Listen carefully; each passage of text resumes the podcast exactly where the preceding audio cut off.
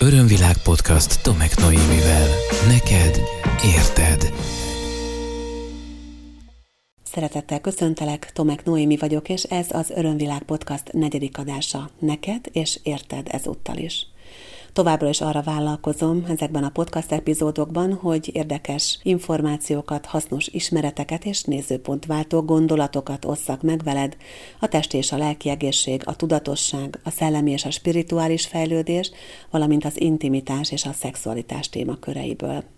A mai témát az élet adta nekem, és mindjárt elmesélem, hogy hogyan és miért, de előtte szeretném megköszönni azt a sok kedves érdeklődést, visszajelzést és üzenetet, amelyet az első három adás óta kaptam.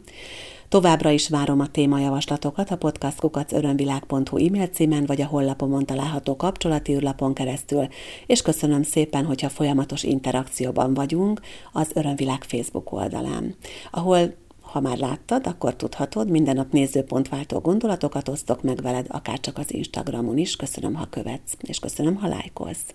Nos, hát akkor vágjunk bele, és mindjárt egy fontos tényel szeretném kezdeni. Amikor ezt a podcastot rögzítem, akkor éppen Balin tartózkodom, tehát én most Balin vagyok. Azért utaztam ide, mert évente két alkalommal, tavasszal és ősszel szervezzük és rendezzük meg Farkas Erika barátnőmmel, kolléganőmmel, aki itt él Balin, azt a spirituális utazást, amelyet mi a felemelkedés útjának neveztünk el. Erre rendszerint magyarok érkeznek Magyarországról és a világ minden tájáról. Most éppen várom a csoportot, arra készülök, hogy ők néhány nap múlva megérkezzenek, és amikor ezt a podcastot te hallgatod, akkor már biztosan a csoport megérkezett, sőt, ha utólag hallgatod vissza, akkor valószínűleg már otthon van mindenki. Szóval itt vagyok Balin, egyedül. Tavaly vállalkoztam arra először, tavaly tavasszal, hogy felülök egy repülőre, és akkor egyedül elutazom Balira, úgyhogy még soha nem jártam itt. Ez egy kicsit komfortzóna átlépés volt nekem, mert bár utaztam már messzebbre, voltam már távoli tájakon, de ott mindig voltak utitársaim. Balira utaztam először úgy, hogy messzire és egyedül. És egyáltalán nem bántam meg, nagyon szeretek idejönni, és mindig nagyon sokat tanulok önmagamról, és mindig új és új felfedezéseket teszek, és nagyon-nagyon sokat tanulok itt. Amíg várom a csoportot és hangolódom rájuk, szoktam egy kicsit dolgozni, és szoktam pihenni, és szoktam meditálni, és most például joga gyakorlatokat is végzek közben, és mindig csinálok valami izgalmasat, valami érdekeset. Mindig történik valami velem. Ma például az történt reggel, hogy a szállásomon az egyik helyi dolgozóval szóba elegyedtem, itt mindenki nagyon-nagyon kedves, és megkérdezte, hogy szoktam-e meditálni, ezt azért kérdezte egyébként, mert egy füstölő füstölgött a házam előtt, és tudta, hogy ez egy különleges füstölő, nem olyan, amit bárhol lehet kapni balin. Elkezdtünk beszélni erről, szoktam-e meditálni, mivel foglalkozom, ezt elmeséltem neki, és ő is mesélt önmagáról. Elmesélte azt, hogy neki is nagyon fontos a teremtővel való kapcsolat, rendszeresen meditál, a lánya ez irányban tanul, az édesapja pedig egy szent ember, egy gyógyító. És azt kérdezte tőlem, hogy volna kedvem valamikor megnézni, megtapasztalni azt, hogy az édesapja hogyan gyógyít. De miközben ő kérdezte, én már gyakorlatilag ugyanebben a gondolatban voltam, és megbeszéltük, hogy a mai napon este 6 órakor találkozni fogunk a focipályánál, ő jön értem motorral, felpattanok a háta mögé, és elvisz oda, azt mondta, hogy nincs túl messze, Ubud külvárosában van, aminek a belvárosában lakom én most jelenleg. Hát hat órára kimentem a focipályához, ő ott volt, és felpattantam mögé, és elindultunk. És mentünk, mentünk, és még mindig mentünk, mentünk, elteltek percek, azt mondta, hogy nincs messze, de hát itt minden relatív, egyébként valóban nem volt messze. Viszont ugye elhagytuk a városnak a, a sűrűn lakott részét, kimentünk a külvárosba, ezt inkább ilyen falvaknak hívják itt egyébként, ilyen kis faluközösségeknek. Számomra egy kicsit olyan úttalan utakon közlekedtünk fel és le, kicsit túl a komfortzónámon, mert a terep nem mondhatni, hogy túlságosan egyenes lenne erre felé, és mégiscsak ott ültem egy pici motorom, valaki mögött, és volt egy pillanat, amikor egy ilyen elképesztően meredek kaptaton mentünk felfelé a motorral, mondhatnám kicsit erőlködtünk felfelé a motorral, amikor bevillant egy tized másodpercre nekem az a kérdés az agyamba, hogy normális vagyok én? Mit csinálok itt? Egy vadidegen ember mögött ülök egy motoron, nem szóltam senkinek, hogy hova megyek, csak úgy rábízom magam, és, és megyek, és fogalmam nincs, hogy hol fogok kikötni, és ott mi történik velem, mert valójában azt sem tudtam, hogy mi történik ott velem, ahova megyek. Ez csak egy tized másodperc volt, de ez alatt a tized másodperc alatt eszembe jutott egy másik sztori is, ami azt hiszem, hogy olyan két évvel ezelőtt történt, amikor Keszthelyi Adri barátnőmmel Nepálban és Butánban voltunk együtt, és akkor egy ruhavásárlás miatt, ahol igazítani kellett a ruhát, el kellett menjünk a varrodába a boltból, oda egy teljesen vadidegen nő kísért el minket, akit előtte soha nem láttunk, és azt vettük észre, hogy Katmandu zegzugos város részeiben egyre beljebb és beljebb megyünk, egyre több ilyen sikátor, különböző kapuajak, egyik házból át a másikba, kanyargós utcák, zuhog az eső, nagyjából bokáig érő sár, egyre nagyobb bűz és egyre furcsábban ránk néző tekintetek. A végén pedig egy ház, aminek rács van az ajtaján, és a rácson lakat, és amikor beengednek bennünket, akkor ezt a lakatot visszateszik mögénk. Szóval azért néztünk egymásra Adrival egy picit, hogy vajon mi normálisak vagyunk-e. Nagyjából ez az érzés, ez a gondolat volt bennem egy tized másodpercre.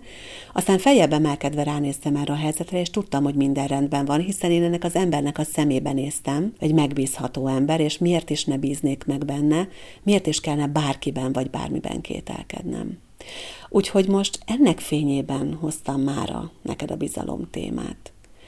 És azt szeretném kérni tőled, hogy most egy picit légy kedves, és csukd be a szemed, és érezd bele abba, hogy milyen érzés neked a bizalom. Ki az, akiben leginkább megbízol az életedben? Ki az, akire bármikor rábíznád saját magad?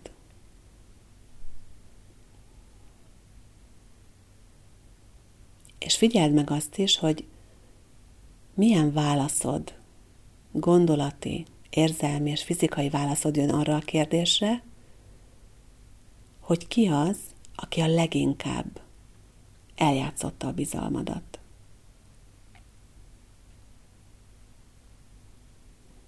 Erre azért kértelek meg, hogy hozzuk fel számodra is a bizalom témáját egy picit a tudattalamból, és hadd tóduljanak felfelé azok az érzések, impulzusok és emlékek, azok a sémák, azok a minták, azok a programok, amelyek számodra a bizalom érzéséhez kapcsolódnak. A bizalom egy érzés. Ez nagyon fontos. Nagyon fontos, hogy ezt megint leszögezzük, hogy mi az, hogy érzés. És különbséget tudjunk tenni az érzés és a gondolat között. Az egyik a szív szintjén születik meg, a másik pedig az agyban. A kettő között nagy különbség van. A bizalom az egy olyan érzés, ami vagy van, vagy nincs. Nagyon sokszor halljuk azt, hogy hát nem nagyon lehet megbízni benne. Vagy bízom benned, de még nem eléggé.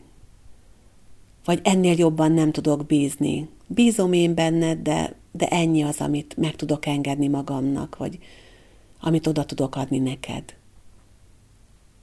Ezzel szemben, vagy akár emellett, én azt mondom, gondolkozz el azon a verzión, hogy a bizalom vagy van, vagy nincs. Mert ha van bizalom, akkor ott van. Akkor nincsen kételkedés.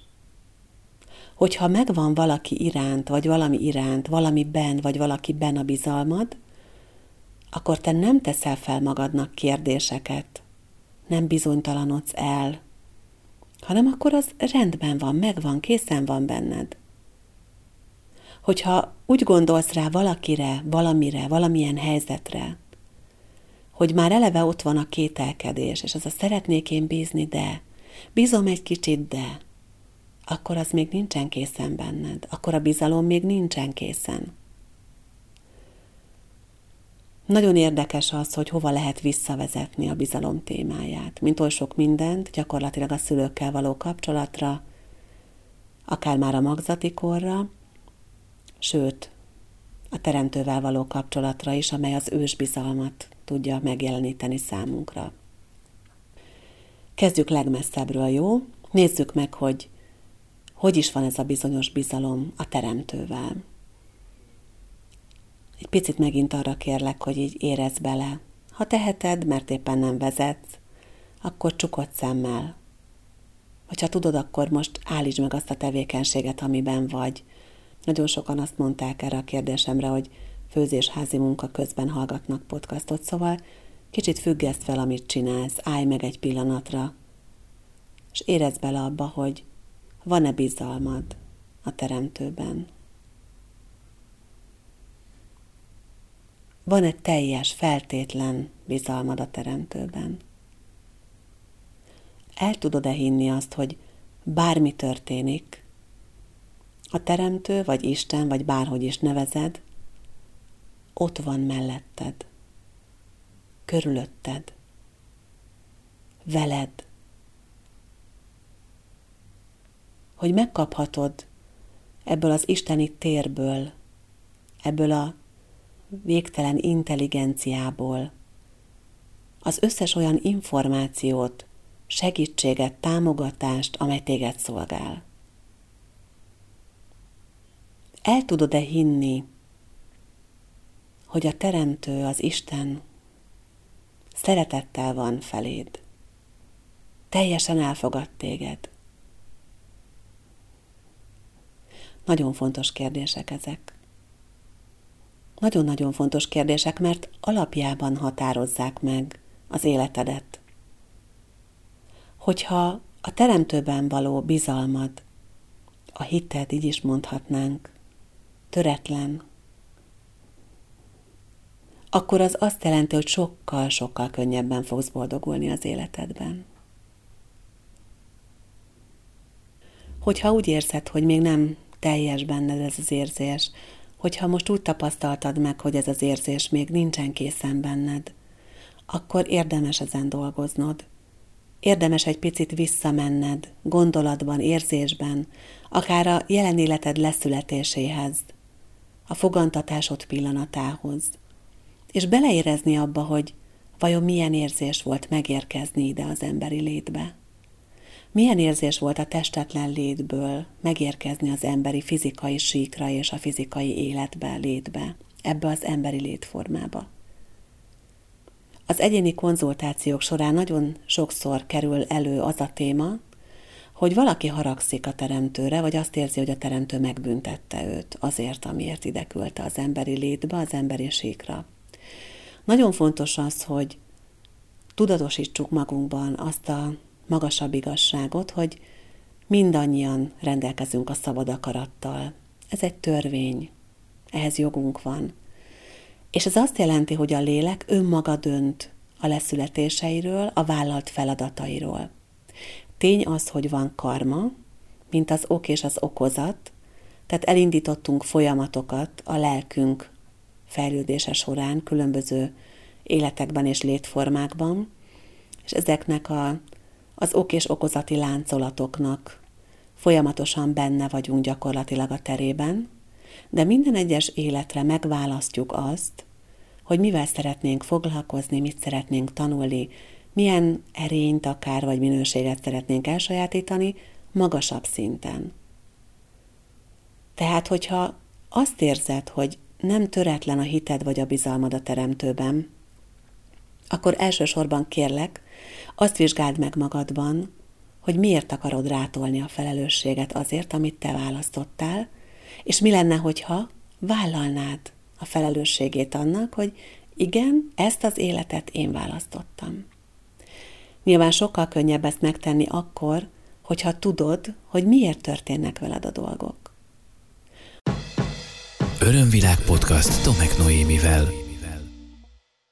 Nagyon sokan sokáig keresik az életfeladatukat, és azt, hogy mi az, amit az ő tanulási folyamatuk egy adott életben. Nagyon izgalmas az, amikor megtaláljuk, hogy valójában mi az, aminek egész eddig életünket arárendeltük. Mi az a vezérfonal, ami mentén szerveződtek az emberi kapcsolataink, a történeteink, a sikereink és a kudarcaink, a csalódásaink és az örömeink, a találkozásaink és a szétválásaink. És amikor rájövünk arra, hogy mi az, amin dolgozunk, én például a szabadság erényén ebben az életemben, akkor abban a pillanatban megértjük azt, hogy valójában semmi sem volt érdektelenül, semmi sem volt feleslegesen, semmi sem volt úgymond büntetésből, semmi sem azért volt az életemben, mert egy felsőbb erő próbára tett úgymond engem. Hanem gyakorlatilag a teremtő, ez a végtelen, szeretetteljes, intelligens energia és tudat, folyamatosan tálcán hozza nekem azokat a lehetőségeket, amiken keresztül a legjobban tudom megfejlődni mindazt, amit valójában én kértem be saját magamnak.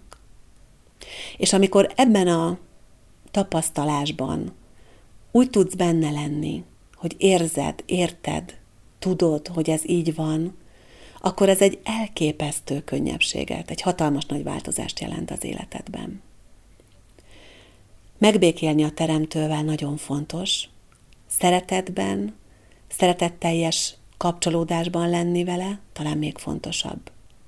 Nem mondom, hogy neked ezt kell csinálnod, mert tudod, semmit nem kell, és semmit nem muszáj. De elfelé haladunk mindannyian. Ha most nem ezt választod, akkor majd választod egy későbbi inkarnációdban. A teremtővel való szeretetteljes kapcsolódása valójában belül, mélyen mindannyian nagyon-nagyon vágyunk.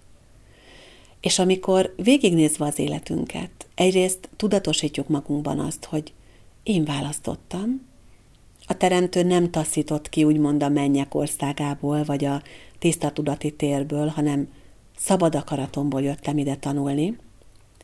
Amikor rálátunk arra, hogy mi a tanulási folyamatunk, és tudjuk azt, hogy minden segítséget eddig megkaptunk ehhez a teremtőtől, és tudatosítunk magunkban még valamit, amiről az egyik korábbi adásban szó volt, hogy minden a teremtő része, ami létezik, és én magam is, te is, és mindannyian mi azok vagyunk. Tehát a teremtő részei vagyunk, és ez a végtelen tiszta tudat, maga a szeretet energiája nem tud mást adni nekünk, mint szeretetet, akkor végső soron nekünk nincs is más dolgunk, idézőjelben, mint elfogadni ezt. És hogyha azt érzed, hogy túl sok rossz történt veled, akkor nézd meg, hogy miért utasítod még vissza a szeretetet, miért nem engeded még meg. És ez is a bizalommal függ össze nagy mértékben. A bizalommal, mert a szeretet kapcsolódások emberi szintéren a szülőkön keresztül tapasztalódnak meg első körben.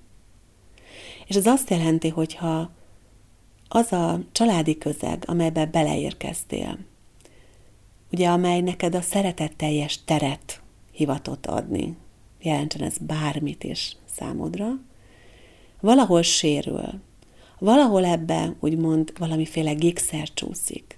Mert azt tapasztalod, hogy a szüleid veszekednek egymással. Vagy azt tapasztalod, hogy elválnak egymástól. Vagy azt látod, hogy bántják egymást. Akkor gyakorlatilag a szeretet az nem egy olyan dolog számodra, amit könnyen be tudsz fogadni, és bizalmatlanná válsz ugye a szeretettel kapcsolatban, bizalmatlanná válsz azokkal kapcsolatban, akik elsődlegesen a biztonságot kellene, hogy biztosítsák idézőjelben számodra ebben az életben, mint ugye megszületett kisgyermeknek, és alapvetően sérül a bizalom. Ugye két lépcsőről nagyon fontos állomásokról beszéltünk eddig a bizalommal kapcsolatban. Az első a teremtővel való kapcsolódás, a másik pedig az, hogy hol és hogyan jelenik meg a bizalom érzése a családi közegen belül, és ez ugye nagy mértékben, ahogy mondtam, összefügg a szeretettel. Hogyha az, akitől a gyermek a támogatást, zárójelben apa, a gondoskodást, zárójelben anya várja, és valami miatt ezt nem kapja meg. Lehet egyébként, hogy a szülők a saját nézőpontukból adják, a gyerek meg a saját nézőpontjából úgy érzi, hogy nem kapja meg, de hogyha ezt a gyerek nem kapja meg, akkor elkezdi bizonytalanságban megélni a saját életét, bizonytalannak érezni magát, ugye elveszik a biztonságérzése, és elveszik a bizalomérzés abban a két emberben, akire egyébként a gyermek normál idézőes esetben teljes nyugalommal rá tudja bízni magát. És hogyha ez itt sérül, akkor ez tud folytatódni. folytatódni az első barátságokban, már az óvodában, amikor mondjuk kiközösítenek, folytatódni tinikorban, az első szerelemben, ahol mondjuk becsapja az illetőt a, az első partnere, vagy folytatódik egy félre sikerült házasságban, ahol mondjuk egyedül hagyja az egyik a másikat egy gyerekkel, vagy akár nehéz anyagi körülmények között, stb. stb.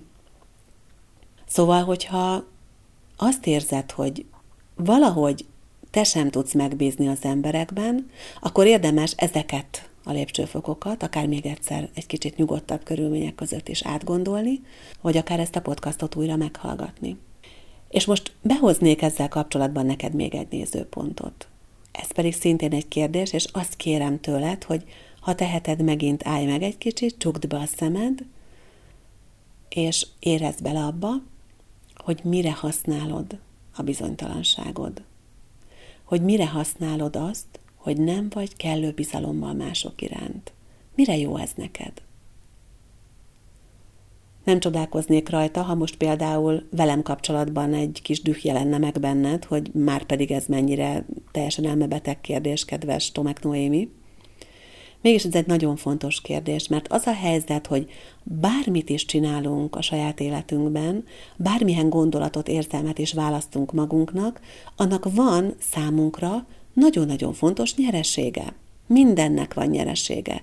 A nyereséget kérlek ne keverd össze azzal, hogy valami, amiben fürdesz, mint hogyha lágy hullámok ringatnának, és közben szivárvány jelenik meg a fejed fölött, és nem tudom, csiripelnek a kis madarak, és még legyez is valaki téged egy pálmalevéllel.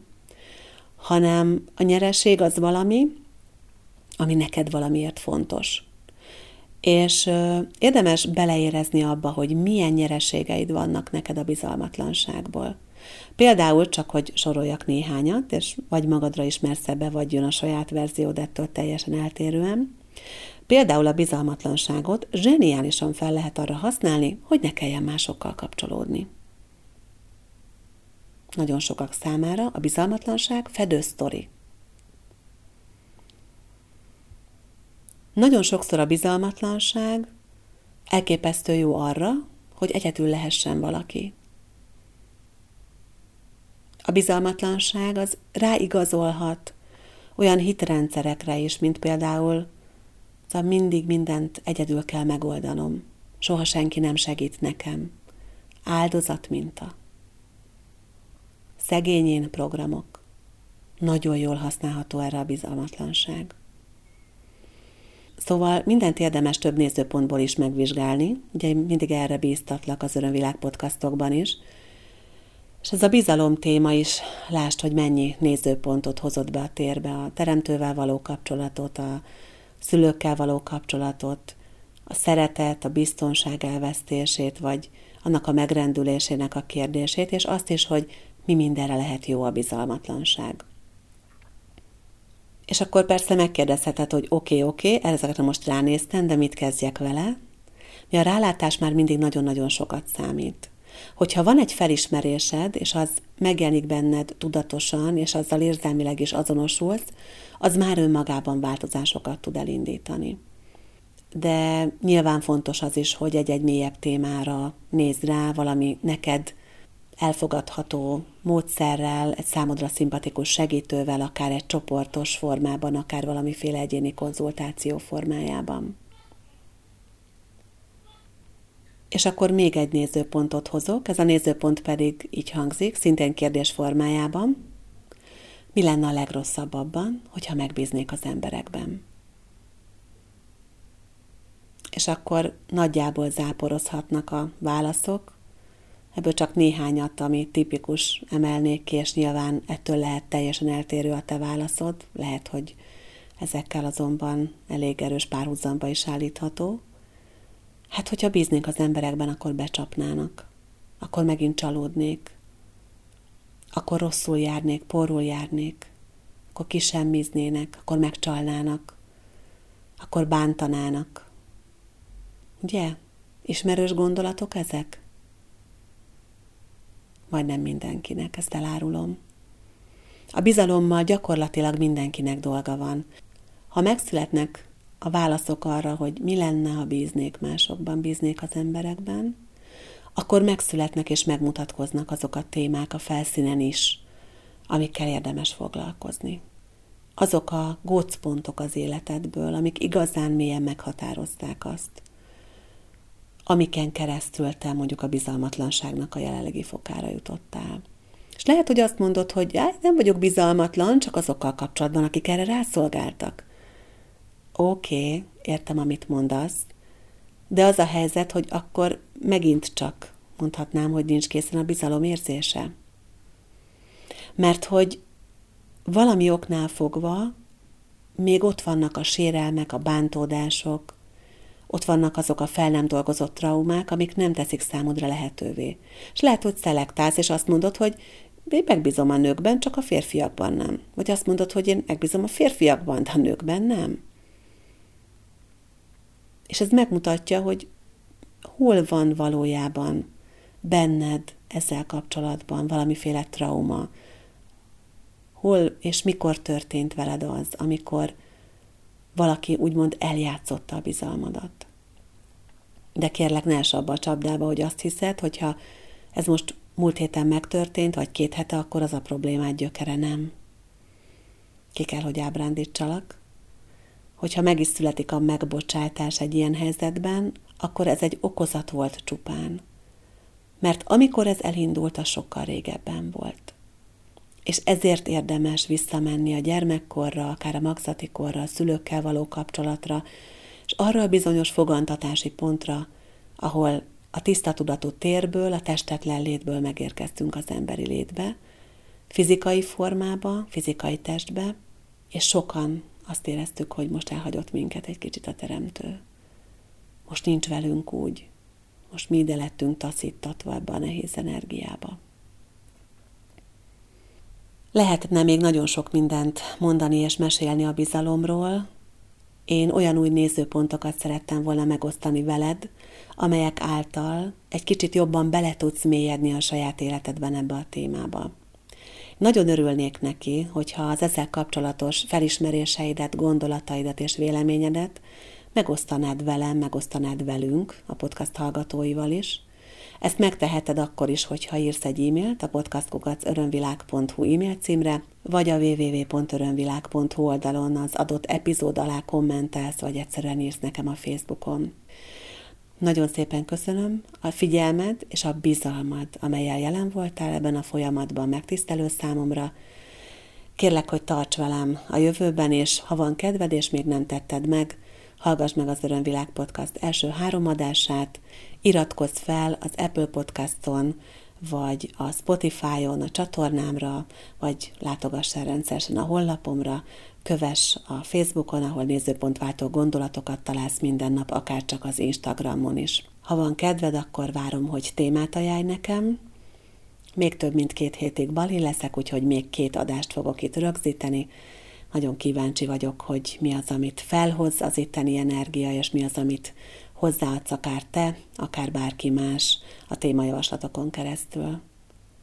Legközelebb is számítok értő füleidre. Ez volt az Örömvilág podcast Tomek Noémivel. Hétről hétre új témák, érdekes nézőpontok a tudatosság útján járóknak. www.örömvilág.hu Témát ajánlanál? Podcastkukac örömvilág.hu